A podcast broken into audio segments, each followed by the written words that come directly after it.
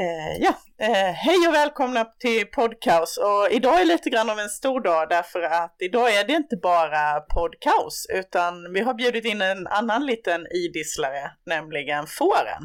Eh, och i några avsnitt så ska vi prata också om eh, får. Eh, och då har jag med mig en första gäst som är alldeles, alldeles rätt att ha med på det ämnet och det är Allan Hägg Grönborg som arbetar på distriktsveterinärerna. Välkommen Allan! Tack så mycket. Uh, och du är särskilt intresserad av får, är det inte så? Så är det.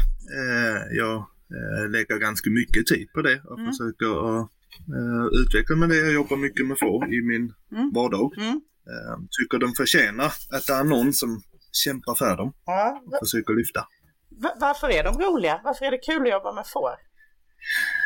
Varför är det inte? Nej, det jag håller med. Nej, de, de är, eh, dels, faren är ju jättetrevliga som så mm. eh, och har en bra lagom eh, storlek. Och man, man har precis med faren får jag göra allt det egentligen jag tycker allra mest skoj. Och vad är det? Eh, jag, får, eh, jag får göra besättningsdelen mm. eh, med vilabesöken och rådgivningen och hela liksom, produktionsbiten. Mm. Eh, samtidigt med att få göra liksom, enkelljudsundersökningar eh, och så i de lite mindre besättningarna. Mm. Ofta så parasiterna mm. eh, fyller jättemycket med fåren mm. och de tycker det är jätteroliga eh, att jobba med. Mm. Sen är fårägarna i så stort spann. Ja. Det är jätteskillnad på liksom, de som har fyra får mm. till att klippa gräset mm. och de som har 300 tackor och försöker att leva på det. Jo, det är väl så att det är en stor skillnad på de stora och de små fårägarna. Vi har ju inte, eller rättare sagt, vi har inte riktigt den bredden till exempel inom mjölkproduktionen. Men spelar det någon roll i ditt jobb om du träffar någon som, eh, vad är det liksom som är skillnaden att träffa de som har väldigt få och de som är, har många få? Det är liksom he hela tillgången de som har väldigt få får se dem ofta mer som sällskapsdjur mm. än som produktionsdjur. Mm. Eh, jag har haft lamm inne på smådjursmottagningen mm. och röntgat benen på till exempel. Mm. Det är jag ganska säker på att ingen liksom, av mina stora producenter kommer ja, just det. Mm. åka in för det, eh, då är det en annan liksom, en ekonomisk kalkyl mm. som man ska ha med uh, i allt man gör. Mm. Men många av de här små gör verkligen allt mm. och ser inte så mycket till kostnaderna. Mm. Eh, sen kan det ibland också vara en utmaning där att få dem liksom att, att tänka rätt ändå. Ja, just det. För mm. att, men liksom att man ser dem som ett eh, ändå som ett flockdjur och inte bara som individer och man får liksom hela utfodring och parasithantering mm. och så hanterat på ett eh, lite halvprofessionellt sätt mm. i alla fall. Mm. Eh, så att det blir rätt. Ja. Yeah. Um, och idag skulle vi prata lite särskilt om det här med parasiter på får. Och som du säger, sa först här så fyller det ju mycket på får. Och för mig som då också jobbar med parasiter och får och nöt så konstaterar jag ju att eh, på ett sätt är det ju samma sak, men det är stor skillnad. Eh, dels därför att om jag ska prata illa om får, det ligger ju inte för mig.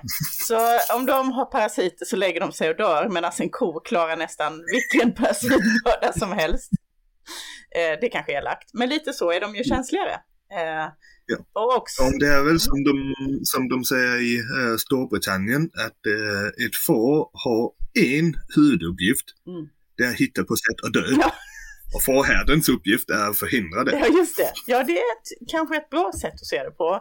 Parasiterna är väl också en sån sak som kan vara lite svårgreppbart om man är ny i det här med att ha eh, ja, ha, ha produktionsdjur eller ha får helt enkelt. Eh, ja. vilka, vilka parasiter är det vi pratar om egentligen, tänker du, som är de viktigaste?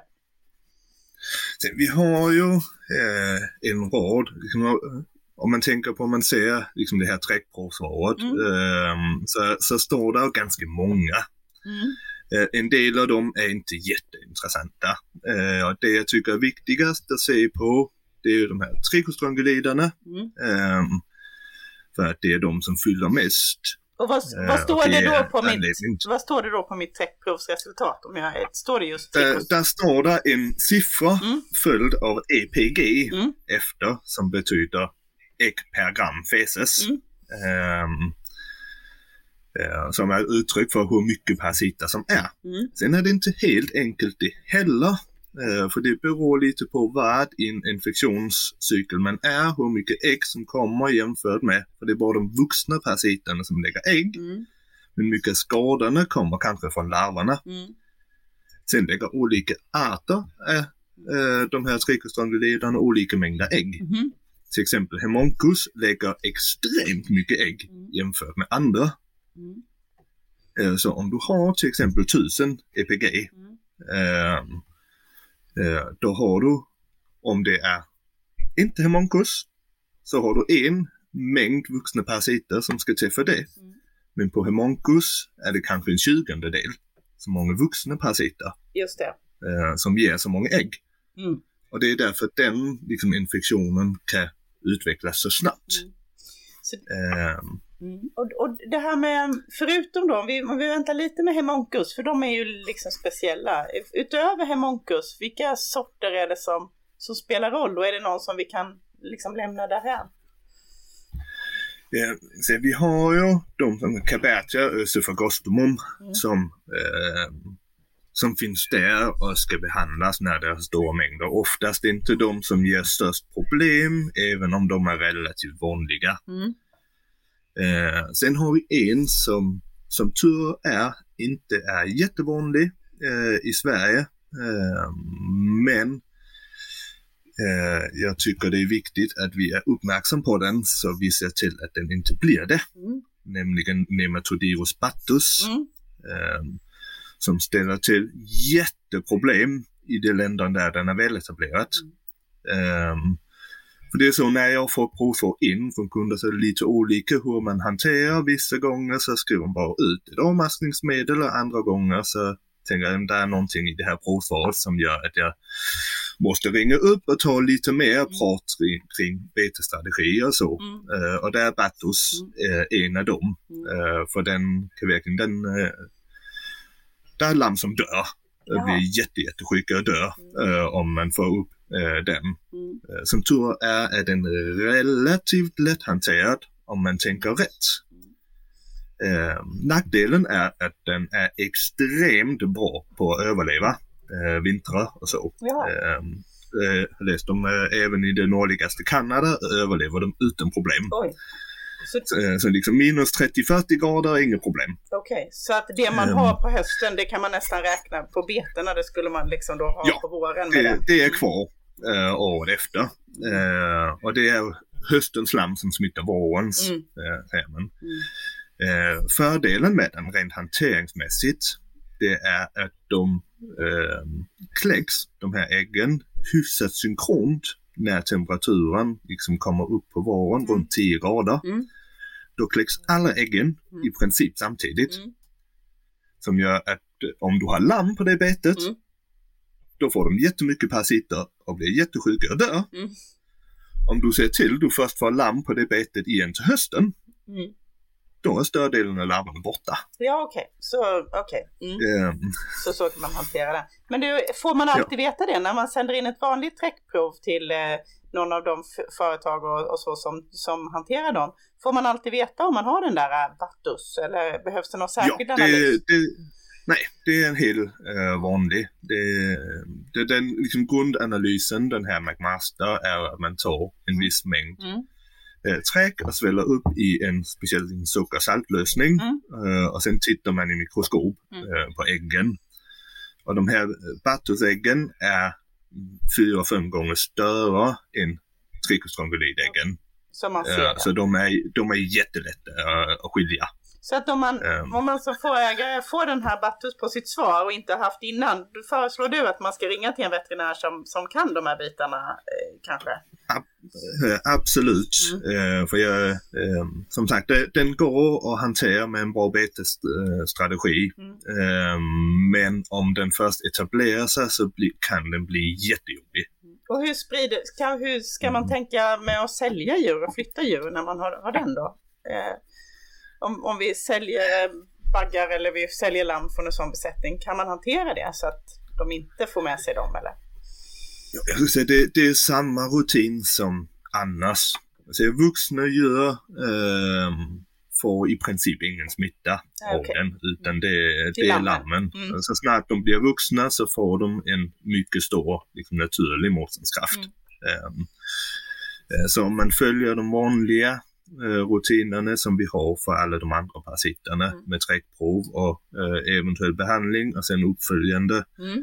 uh, prov 7 till 10 dagar senare för att säkra den till resistens mm. så, så är man ganska bra täckt in på Battus också. Det funkar. Ja, det är ju bra. Du, du pratade om att de blir väldigt sjuka. På vilket sätt blir, blir lammen sjuka? Hur ser jag det som fårägare att det är, förutom de får. De får äh, vattnig diarré. Mm. Äh, äh, och sen liksom, ja, mm. om man har en rejäl smitta så, så får, är det många lamm som äh, blir jättelösa i magen. Och, och kan dö relativt akut faktiskt. Och det är vid vilken uh, ålder då? Är vid vilken ålder som helst eller är vi någon särskild ålder? Då är det, det är en, en två, tre månader mm. oftast. Um, när de är ute på våren där. Mm. Um, det är ju kanske en i större utsträckning än ålder på lammen så uh, är det kanske tid på året. Okay. I och med att de kläcks synkron som de gör. Mm. Eh, så det är väl mars-april ja. att, eh, liksom att du har en jättetopp ja, okay. på betet. Mm. Eh, så det är de lammen som är ute där mm. som blir smittade.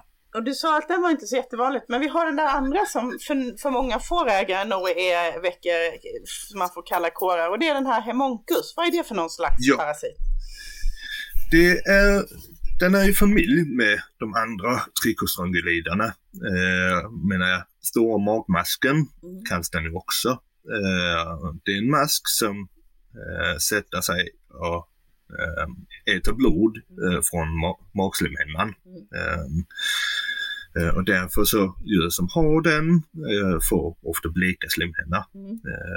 och är så att man även har utvecklat, en tropisk mask i grunden säger man, den har varit mm. eh, i Sverige eh, och även på de här trakterna väldigt, väldigt länge och verkar enligt Vidilab eh, som har gjort de här analyserna sedan mitten på 90-talet. Mm. Eh, då säger de att de upplever att den ligger på ungefär samma nivå ja, okay. nu som då. Mm. Eh, så det är mycket uppmärksamhet men det är liksom det är inget problem som håller på att explodera eller är ur kontroll. Mm. Och hur ser jag på, mm. hur ser jag på mina djur att, att hur påverkar det fåren eller lammen att de har problem med hemonkus? Ja, det kan, i, I det tidiga skedet, om inte det är jättemycket, eh, då liksom som på de flesta andra parasiterna egentligen, mm. eh, så är det en sämre produktion. De växer sämre och liksom är inte riktigt på topp, blir kanske lite mer sjuka andra saker. Mm. Eh, Sen kan man kolla på ögonslemhinnan. Mm. Eh, kan man, för så blir de bleka mm. där. Eh, och det i, i tropiska länder eh, är det egentligen det man använder till att bestämma när man behandlar. Mm. Som man kallar en famasha eh, från katter, där här man ser med olika nyanser av okay. rosa. Mm. Eh, som man har sett är direkt kopplat till hur mycket homunculus som finns ja, okay. eh, i de länderna. Mm. Jag tror att kopplingen är kanske inte fullt lika stor i, i Sverige, mm. eh, där det är lite andra förhållanden. Mm. Eh, men ehm, Ja, men det är ganska bra så, du, um, du, du, om man har dem. Sen mm. om de får mer ja. uh, sjukdom så kan de liksom få ödem, vätskeansamling mm. uh, under käkgrenarna. Just det, en, en, som en klump eller som en, en svullnad ja. under käken. Mm. Men då är de ganska uh, sjuka så, normalt sett, alltså då är det ganska långt. Ja, men, men det händer. Mm. också för som har liksom Hemoncus har en extremt snabb livscykel eh, sommartid mm. eh, jämfört med andra. De lägger extremt många ägg mm. och har en liksom snabb Mm. Eh, alla parasiter har någon typ av livscykel, vissa behöver några mellanvärden eh, och så, men eh, kan liksom öka väldigt, väldigt snabbt okay. över sommaren. Mm. Eh, så jag brukar ha några stycken som är liksom typiskt i augusti. Mm. Eh, slutet på, på augusti brukar jag ha några fall varje år som, eh, som ringer att de liksom har får som får de här svullnaderna eller blir jättedåliga på, liksom på annat sätt att slöja eh, och så. Och så mm. hittar vi eh, jättemycket parasiter i, eh, i träckprovet. Ja. Och det här med när, man, när man tar träckprov, det du, hur, kan inte du beskriva hur man, hur man gör det? Men det finns säkert någon som lyssnar som faktiskt inte har gjort det. Eh, hur, hur ska man gå tillväga för att få det korrekt? Ja, absolut, det, eh, det viktigaste, allra viktigaste är att det är färskt. Okay. Eh, det man har. Mm. Ehm, så det lite olika kanske efter hur man, eh, hur man har djuren. Mm. Eh, det kan vara svårt att se i en eh, djupströbädd. Mm. Eh, liksom då försvinner det snabbt. Mm. Eh, då kan man till exempel ta och släppa ut eh, gänget på, på stallgången. Mm. Eh, ett tag så kommer de bajsa. Mm, man... eh, och så ligger det fint på betonggolvet ja. här och så är det bara att plocka upp det. Ja. Eh, eller man kan sitta i, i gruppen och se. När det är någon som gör. Mm. Och så plocka upp det i en, eh, en påse. Mm. Uh, man ska helst ha från uh, flera djur. Lite beroende på hur stor besättning man har. Men liksom gärna kanske 10 procent. Av, av djurgruppen? Mm. Mm. Ja, mm. och om det är så att Eh, men HV brukar rekommendera att man vartannat år åtminstone eh, gör ett uppföljande prov mm. efter avmaskning, om det behöver avmaskning. Mm. Eh, om man har höga EPG speciellt och ser att man har behandlingseffekt. Ja, för där kommer du in på en sak som, som ju också är något som är på ett sätt är det ju ingen skillnad från nötkreatur, men det är ju mer aktuellt på får. Och varför ska man göra den där uppföljnings, uh, uppföljningstestet? Vad är det du liksom är ute efter där? Det är för resistens mm. hos parasiterna. Mm. Uh, det är inte helt ovanligt att de här maskarna utvecklar resistens mot de avmaskningsmedlen vi använder. Mm. och då är det viktigt att man får hittat det i tidigt skede. Um, Hemoncus är bättre än många andra på att utveckla resistens också. Um, uh, men det ser man Då ser man att de ska ha försvunnit. Mm. Mm. Ja, uh, om man ser om man tar det här som vi rekommenderar varje år på våren. Mm. Det precis när beror kanske lite på vart i Sverige man befinner sig. Man kan ta vårens prov lite tidigare i Skåne än uh, man kan i Piteå. Men, men um, det innebär Allan att du, när det är nu någon som lyssnar nu och det är mars och det är snö. Var, varför ska man inte, varför måste man ta en speciell tid? Vill du förklara det? Var, varför är inte vintern rätt tid? Det är för att eh, parasiter är, och det är en del anledning till att jag älskar att jobba med dem, mm. att de är rätt smarta faktiskt. Ja. Um, för de vet att det är helt värdelöst för dem att vara vakna på, uh, på vintern. Mm. Eh, för om de, de äggen som parasiterna urskiljer, eh, de behöver vissa förhållanden för att kunna kläckas och utvecklas till larver. Ehm, och det är allmänt så är det värme och fukt. Så det är inte svensk uh, vinter helt enkelt? Det är liksom inte snö? Och, då, och, då, är det mycket bättre för, för parasiterna att de tar det lite lugnt och mm. går lite halvt i det mm. på vintern och sen vaknar de till våren. Eh, och så är det det här man kallar spring rise, mm. eh, som är att man ser att det här EPG mm. som vi ser på träckprovet, eh, äggutskiljningen, mm. att den ökar markant eh, runt mars-april. Eh, lite, lite beroende på, på värmen. Eh, och egentligen är det två element i det. Mm. För det är väldigt eh, spännande uh, att tänka sig att man, en parasit ligger inne i tarmen och bara nu är det vår. Alltså det är en spännande tanke. Mm. Um, och det, och det ger, egentligen så ger det mening om man tänker lite på, på fåren och att många av dem, speciellt som vi har här uppe, mm. Eh, de vanliga raserna har ju också en brunstcykel yeah. som är kopplad till säsongen. Yeah.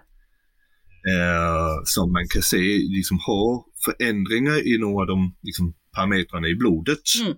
Uh, hur det är sammansatt, speciellt melatonin verkar vara liksom det som styr. Mm. Att fåret vet, okej okay, på den här tiden så ska jag brunsta och nu liksom då en annan tid på året så ska jag inte brunsta. Uh, och jag tror det är något liknande, mm. liksom med något av det systemet som parasiterna på något sätt läser av. Ja. Ut, tror jag. Utvecklat uh, under lång tid. ja. ja. Mm. Um, uh, för det, det, är ju det, liksom den här Spring Rise mm. uh, verkar vara liksom tvådelat. Dels så den kopplad till att våren kommer mm. och det blir varmare ute. Men är även kopplad till att det är där lamningen mm. är. Um, och precis runt lamning, då är det en fördel för parasiterna för två uh, anledningar. Tackan är lite sväckat. Ja. Mm. Lammen är extra mottagliga. Ja, det är jättebra. Alltså är man parasit så är det ju ett läge det är man... Jättebra ja. mm. då, då, kommer äggen ut och så går det några veckor uh, och så har de blivit infektiva larver mm. och så är lammen precis i den åldern där de är allra mest mottagliga. Mm. Um, ja, det är ju en uh, absolut framgång. Faktiskt, att om man har liksom, en tidig lamning, mm. de som lammar redan nyår kanske, mm är att de besättningarna får inte en lika markant springrise. Intressant. Har man gjort forskning så får de en liten topp runt amning och så får de en liten topp igen mm. under våren. Okay. Men de kommer aldrig upp i de samma liksom. Jättespännande ju, för som sagt att, att hur parasiterna försöker att och, och klara sig på bästa sätt såklart. Eh, i det. Mm. Du, sen är det det här med den här resistensen då, för det är också ett sätt att vara smart om man är parasit. Eh, där kan vi väl säga att i Sverige har vi haft i alla fall, eller har ett bättre läge än många länder eh, när det gäller eh, resistens mot, mot avmaskningsmedel. Är det, Absolut. Är, är, det ett problem i Sverige ens? Är, det, liksom, är, det, är det viktigt eller är, det en, är vi så himla bra? Det är jätteviktigt.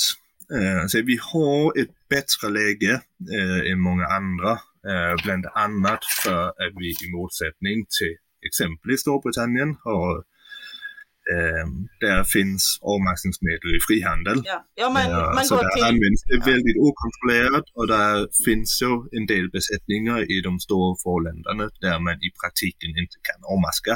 Mm. Man, ska, man kan minska smittrycket men man kan inte för att, man liksom har, för att parasiterna har blivit resistenta mot allt man har helt enkelt. Och så, ja. ja. Men om vi inte vill komma mm. dit, då, vad gör vi då? Vad ska vi göra för att inte hamna i det engelska läget när det gäller parasiter? Vi ska ommaska när det behövs. Mm.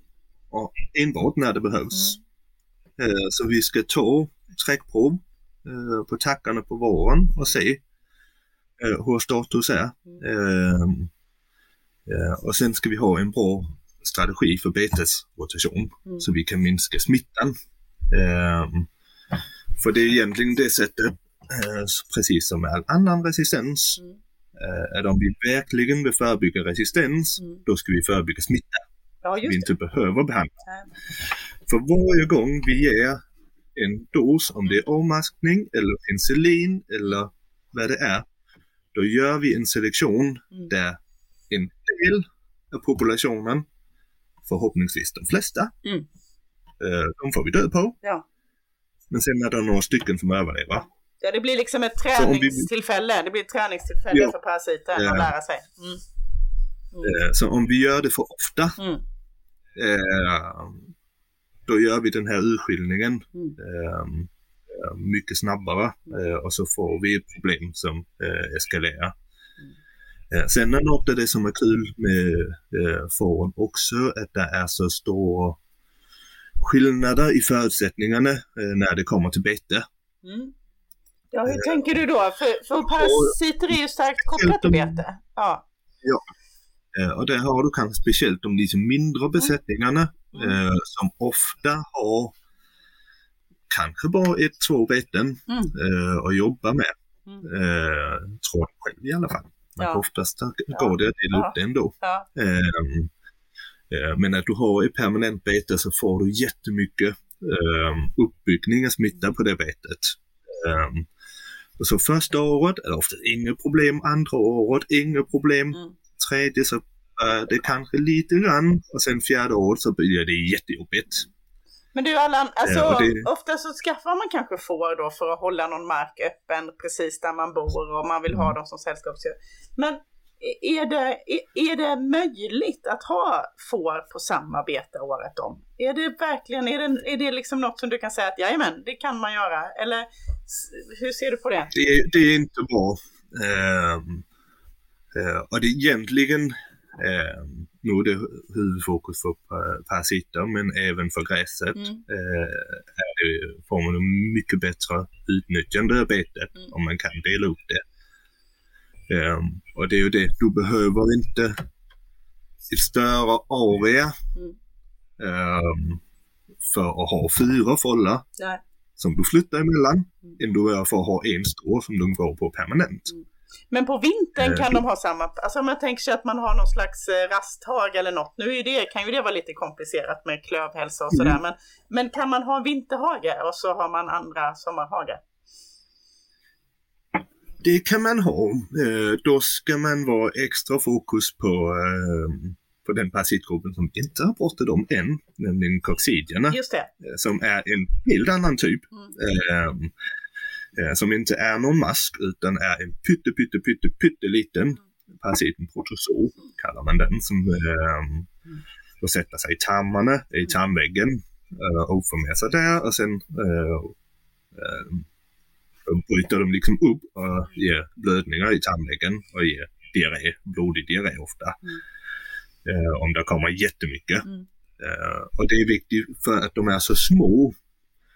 Eh, eh så gäller det också när, om man får det liksom på sitt träckpåsvar. Mm. Eh, så är då är det inte EPG utan OPG. Just det. För att de inte är äkta, är syster. Ja, just det. Eh, och där vi definitivt avmaska 1000 EPG, mm. någon av maskarna. Mm. Då behandlar vi definitivt inte 1000 OPG. Nej. För det är pytteliten. Just det, det är skillnad på antal där helt enkelt. För det är olika organismer vi pratar om. Ehm, mm. De, de, som blir sjuka uh, med coccidier, då är vi uppe i 5-6-siffriga. Ja.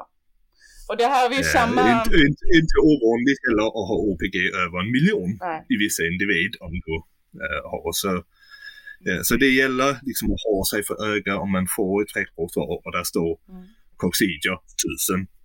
Ingen anledning till panik. Um, och en del av de här är inte ens, ger inte ens någon sjukdom. Nej. Och, um, och där kan vi säga att det är ju samma egentligen med, där har vi ju samma på korna och där är det ju just de här rastfållorna och dikor och kalvar som, eller för all del kalvar överlag, mm. det är ju risk för det. Men, men det är klart att, att um, helst ska man inte ha en sån rastfålla heller som inte går att variera. Annars får man ju hitta på något den dagen man får problem. Eh, kanske. För det, det är ju klassiskt de där rastfållorna mm. ute, eh, sådana som coccidierna mm. mm. verkligen gillar. För de är också jättehårdföra ja. och överlever utan problem från ett år till ett annat. Mm. Så plötsligt när du kommer till fjärde, femte året så får mm. du plötsligt jätteproblem. Ja, det är så uh, tråkigt alltså. Det är så trista problem. Men eh, jag tänker vi, vi satsar på, hur, lit, hur liten besättning man än har, så satsar man alltså på fler foller eh, med den mark man har. Eh, för att ja, få det hållbart. Det skulle jag. Mm. Mm. Och man kan inte... Och så får man ja. se på det, liksom det möjligas konst. Mm. Är det alltså hur, hur man kan stängsla och um, ja, så jag brukar liksom i um, ja, ibland så kan man kanske få hjälp av någon kunnig. Och liksom utifrån mm.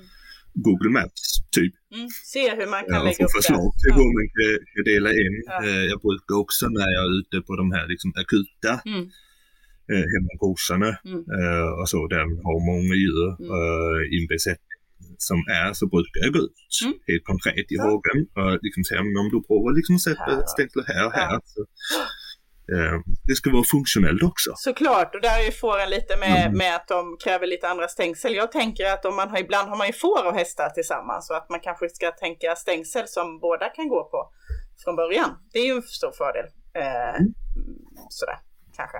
Men det ja. kan ju vara lite jobbiga. Men jag tänker också, jag tänker också Särland det här med att, att motverka resistens. Vi, vi tar alltid träckprov. Menar du att varje, det gör man varje år helt enkelt eh, mm. på våren? Ja. Och så skickar man in det, det ska vara färskt och så får man ett svar och då får man diskutera det med en fårkunnig veterinär tänker jag. Eh, mm. Man ska. Och en sak som jag ser ibland, eh, det är det här med när man avmaskar att man har lite svårt att uppskatta vikt, för det är också en del i det. Att eh, för att avmaskningsmedel ska fungera så, så måste det vara för rätt vikt liksom. Eh, och det måste faktiskt komma ner. Ja, just det. Man har en riktig doseringspistol. Det var lite lurig också så de inte spottar ut det. Nej, just det. Mm. Och det finns ju bra utrustning ja. för det och det är kanske en sån sak man får lov att investera i när man har får. Eh, ja, det får man göra. Mm. Uh, och där, där, finns gott om videor på Youtube också så som tipsar om hur man för in det. Mm. Uh, och så. så det skulle jag absolut rekommendera om man är ny med får och inte van med att maska. Mm. Så in och kolla så du verkligen har rätt teknik. Mm. Sen har vi ju det här med när man för alltså man köper en besättning så vill man kanske köpa en avelsbagge och där har det varit lite diskussioner för om, om ett djur har resistenta hemonkus till exempel då är det någonting som mm. djuret har med sig även till en ny besättning, är det inte så? Ja. Hur undviker jag att köpa hemonkus då? Hur undviker jag att sälja yeah. hemonkus om är resistenta? Ja, man, just de resistenta. Hur gör jag det? Du, du tar efter eh, avmaskning 7 till 10 dagar efter eh, så tar du ett prov till. Mm. Eh, och ser, då ska de nog helst vara nollade. Mm. Eh, eh, I princip. Det kan vara lite variation om du gör det i en grupp. Mm. Uh, om vi inte pratar individ för att olika djur kan vara lite olika och haft olika mängder mm. till en början. Mm. Uh, så därför om man har liksom minsta misstanken, mm. uh, då är det bra att ha lite koll på vilka djur det är. Ja, okay. Det är kanske lättare för de små besättningarna. Mm, just det. En... Och notera att nu var det de här mm. tackarna att jag provtog. Mm. Eh, så man kan ta samma mm. djur när man ska uppföljande. Just det, så att man um, faktiskt kan säga att det hos de djuren så har det här fungerat och då har man inte resistenta. Ja. Men du, um, och är det något som man, även om jag har hur få får som helst, när jag köper en avelsbagge, är det, är det något jag ska kräva då att få se? Eller att de har gjort en sån koll helt enkelt? Ja, det tycker jag. Mm. Uh, annars får man ju göra det själv och ha mm. honom själv ta ett träckprov när han äh, kommer, äh, avmaska om det finns några parasiter och sen ha uppföljande. Ähm, mm. Och, äh, för det händer mm. att, äh, att folk får en resistens på, på det sättet. Ähm, och då menar ju inte du det, det, att han ska gå i hagen under tiden utan i så fall tar man in den och har den själv. Ja.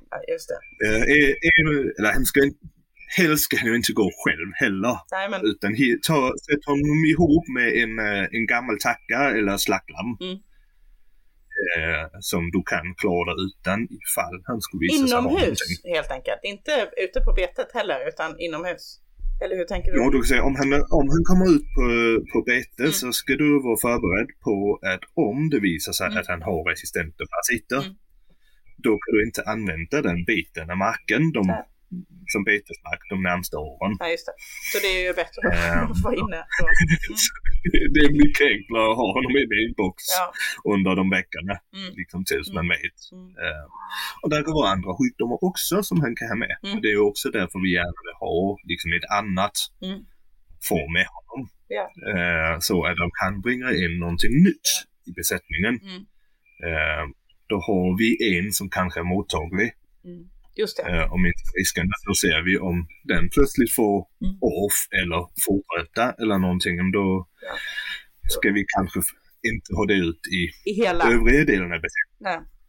Men och det finns, ingen, det finns ingen certifiering eller något sånt där som man kan säga att man köper från den och den besättningen så får man inte in resistenta parasiter utan det handlar helt enkelt om något som man, man som säljande besättning gör löpande och är redo att visa upp liksom. Mm. Ja, och det är det att för att um, om mina får har, inte har varit resistenta mm. förra året mm. är det ingen garanti att, Nej. att det inte är gjort. Nej, det ska vara aktuellt. Liksom. Det, det mm. måste man göra liksom, löpande.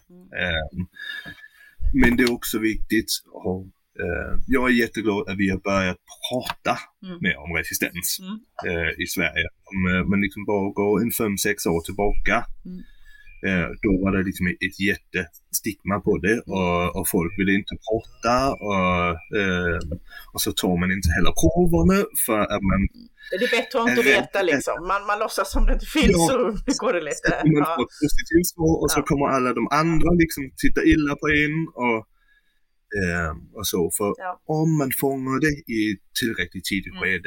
Så går det att hantera resistens. Just det, och det är viktigt att säga att om, om man får in det, liksom, ja, att det inte är kört. Loppet är liksom inte kört som mm. säljande besättning utan med en bra kontakt med en veterinär som, som kan det här så, så kan man eh, komma över eh, och helt enkelt bli av med de resistenta också. Mm. Men det är kanske kört om du har haft resistenta mm. i fem år. Mm. Just det. Ja, och det liksom fyller jättemycket. Då, då blir det jättesvårt för då har du också alla beten mm.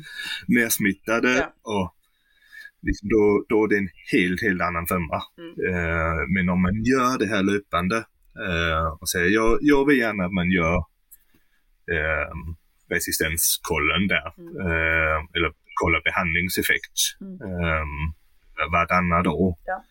Eh, och sen säger jag även om man har någon vår har ett oväntat mm. hög mm. liksom, parasitbörda.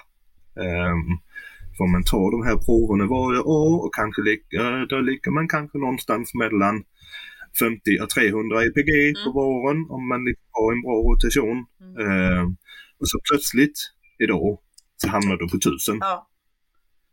Tar du det där för att se om uppföljande det är något. Ja. För att se, då kan det vara resistens mm. som gör att det plötsligt har ökat. Mm.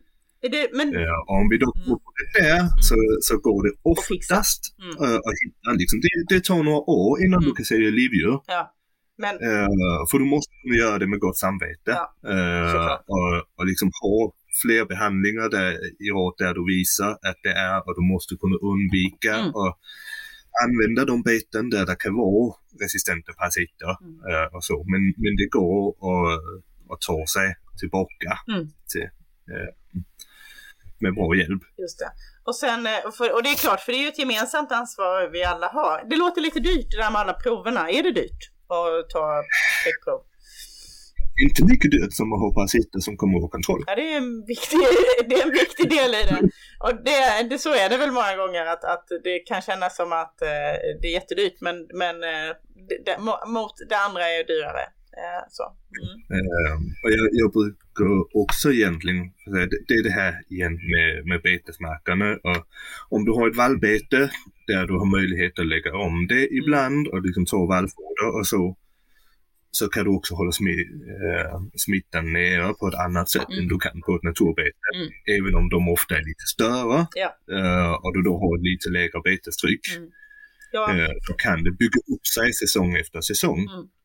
Eh, och, ehm, och för sådana, eh, då brukar jag faktiskt rekommendera att man tar eh, hen på, på sensommaren, mm. tar träckprov på lammen. Ja. Inte egentligen i första omgång för att se hur mycket som finns i lammen.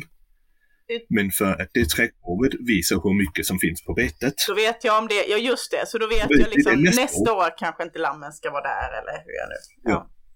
Det är ju väldigt klokt ja. tänkt, för det är ju en planeringsbit också. Vi vill att lammen ska växa och må bra då, då fixar de ju inte en hård parasitbörda. Så är det ju. Ja, och det, det hela det här tänket som äh, nu börjar komma mer fram i Sverige också, men har varit äh, utomlands väldigt länge kring det man kallar det parasitära refugium. Mm. Äh, som är och det gäller att ha tungan lite rätt i munnen, liksom tänka rätt mm. runt det. Um, uh, för att det är inte som några uppfattar det, uh, är det ingen avmaskningsstrategi utan det är ett sätt att tänka. Mm. Uh, för parasiterna finns inte bara i fåren. Um, de finns... De, de, dels finns de i alla djuren mm. och dels finns de ute på beten. Just det. Så när vi avmaskar djur mm så behandlar vi bara en begränsad del ja, så är det ju. av populationen. Ja, för de andra är ju mm. utanför just för stunden så att säga. Eh, ja. så är det ju. Um, uh, men det betyder också att om vi då har en låg grad av resistens mm.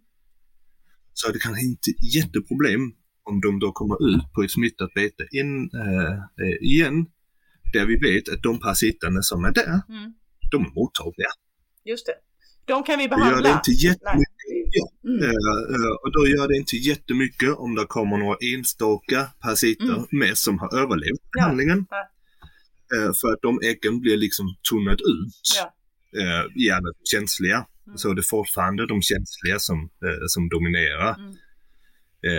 men om man kör dose and move.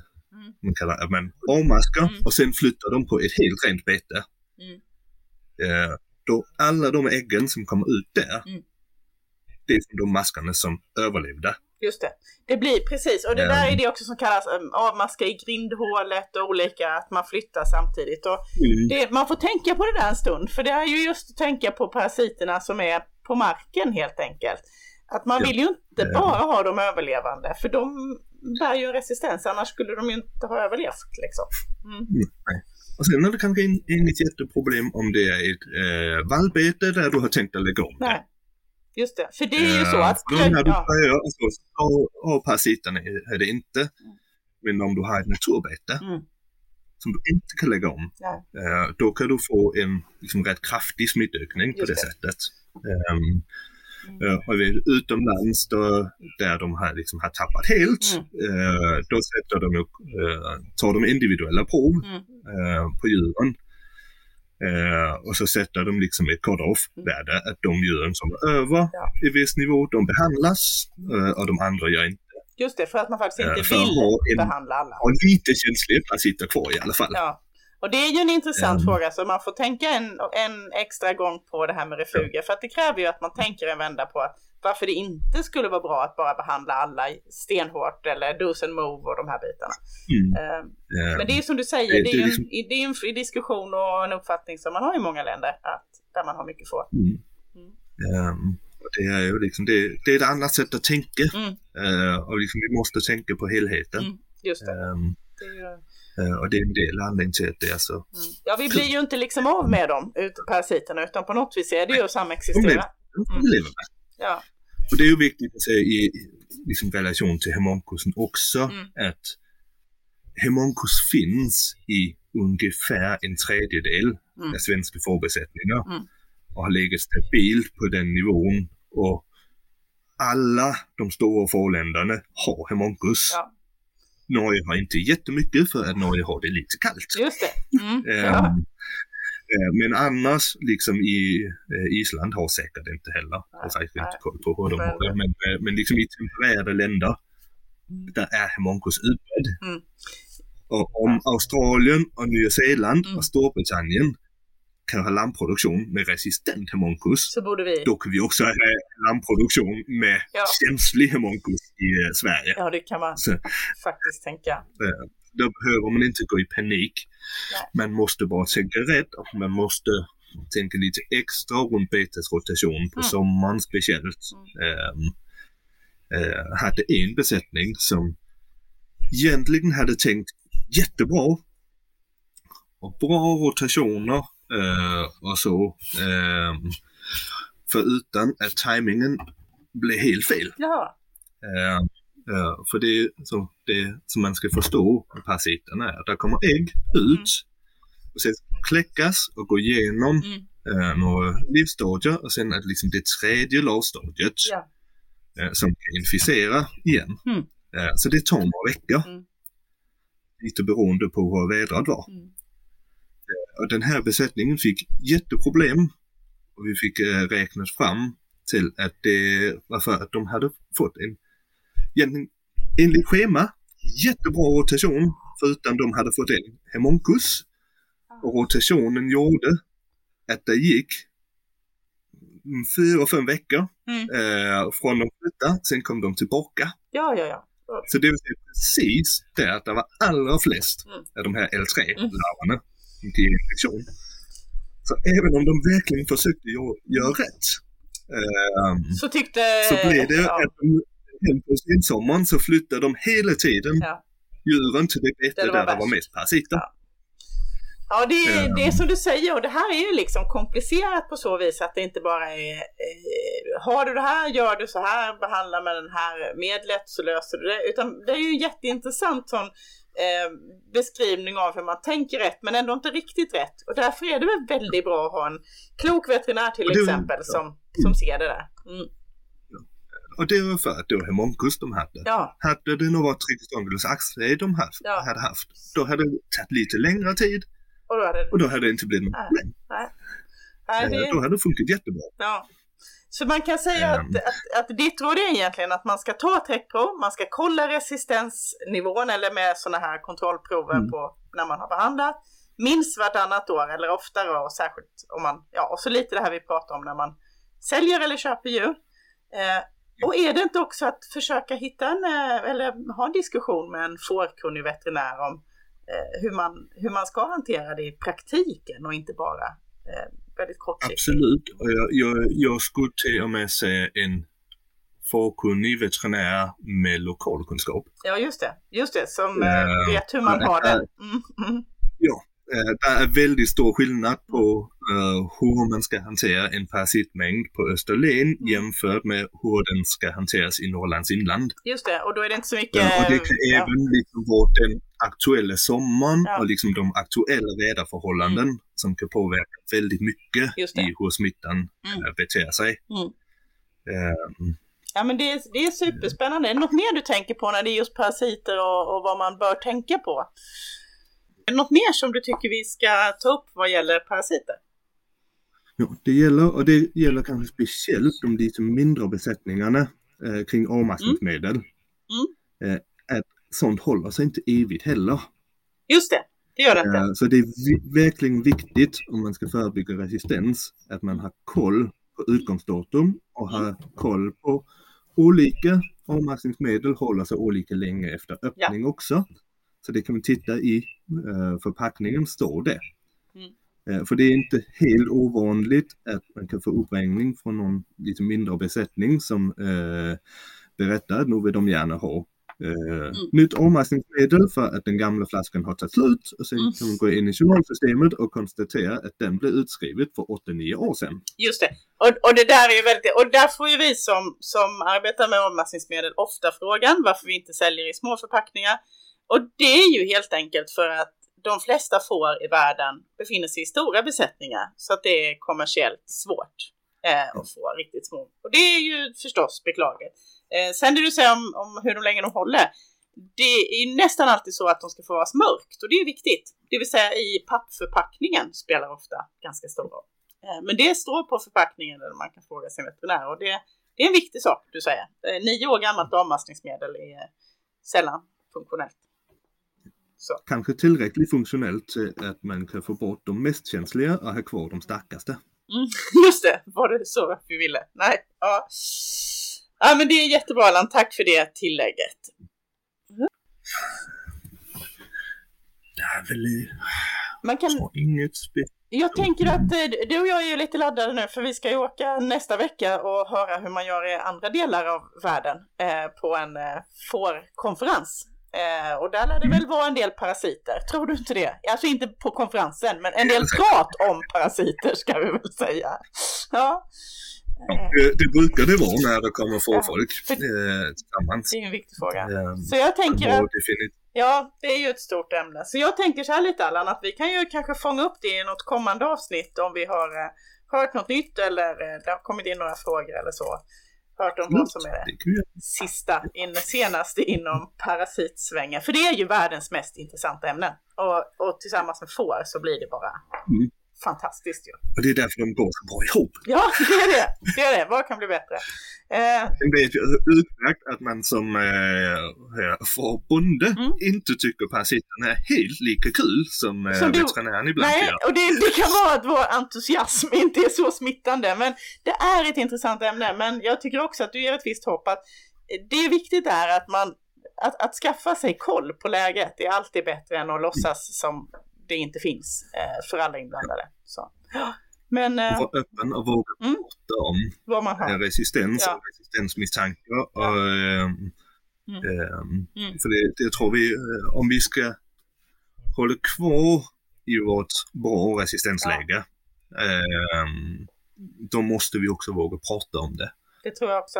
Det... Och vara ärlig, ta de här proverna och att eh, man även berättar för andra fårbönder. Mm. Nu, fick jag resistens in. Eh, men då tog jag kontakt med en mm. duktig fårveterinär som hjälpte mig att lägga upp en bra rotation, fick några medel vi kunde behandla mm. med under en tid och nu är på banan Så tre år efter ja. så, så, har vi faktiskt inte resistensen kvar. Nej, det är viktigt att säga för det vi kan kännas hopplöst. Mm. Uh, för man, man ska inte känna någon skam om man råkar få in Nej. Resistens i besättningen för det är inte ditt fel. Just det. Utan... Det är en naturlig process som vi måste vara uppmärksam på och vi måste kämpa emot den mm. när den kommer. Men mm. det kan hända. Ja. Jag kan också riskera att plötsligt ha resistens på mina får. Ja. Så är det ju och det, det, är ju superviktigt för jag tror att du sätter verkligen fingret på något viktigt där. Att en anledning till att det sprids det är att man inte vill prata om det. Eh, så, så är det nog. Men eh, alltså det är fantastiskt att prata om får med dig som är så intresserad och när det blir parasiter också då är det ju ännu mer intressant. Men vi kommer höras igen här i Podcast och Sheep. Eh, och tack så jättemycket för att du var med idag. Tack själv.